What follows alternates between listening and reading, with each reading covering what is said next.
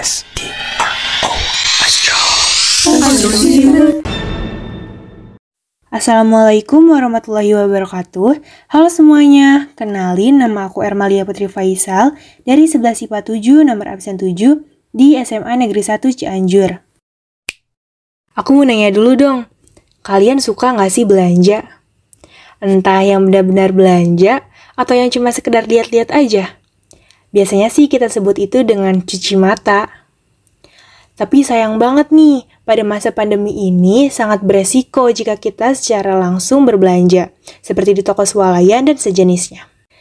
Tapi untungnya, dengan adanya perkembangan teknologi, kita bisa mengatasi itu loh, yaitu dengan belanja daring atau yang sering disebut online shopping.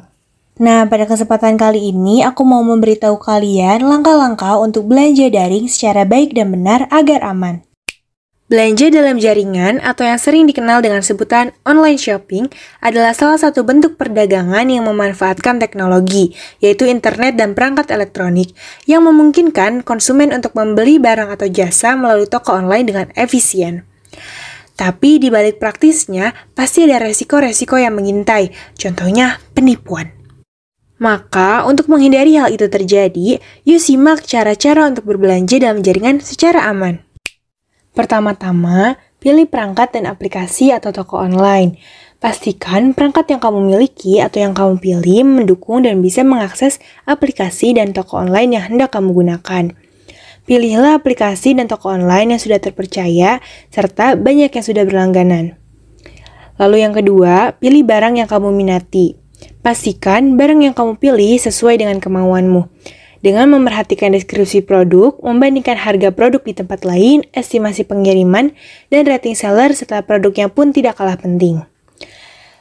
Nah, yang ketiga, mengonfirmasikan kembali kepada penjual terkait barang. Hubungilah penjual untuk memastikan barang yang akan kamu beli masih tersedia dan kualitasnya sesuai dengan deskripsi produk yang sudah tercantum. Lalu, setelah semua sudah dipastikan, kamu bisa memasuki proses pembayaran. Isilah data kamu terlebih dahulu seperti nama lengkap, alamat lengkap, dan nomor telepon agar barang bisa dengan mudah sampai ke tangan kita. Lalu, pilih metode pembayaran sesuai dengan kemampuanmu dan lakukan transaksi.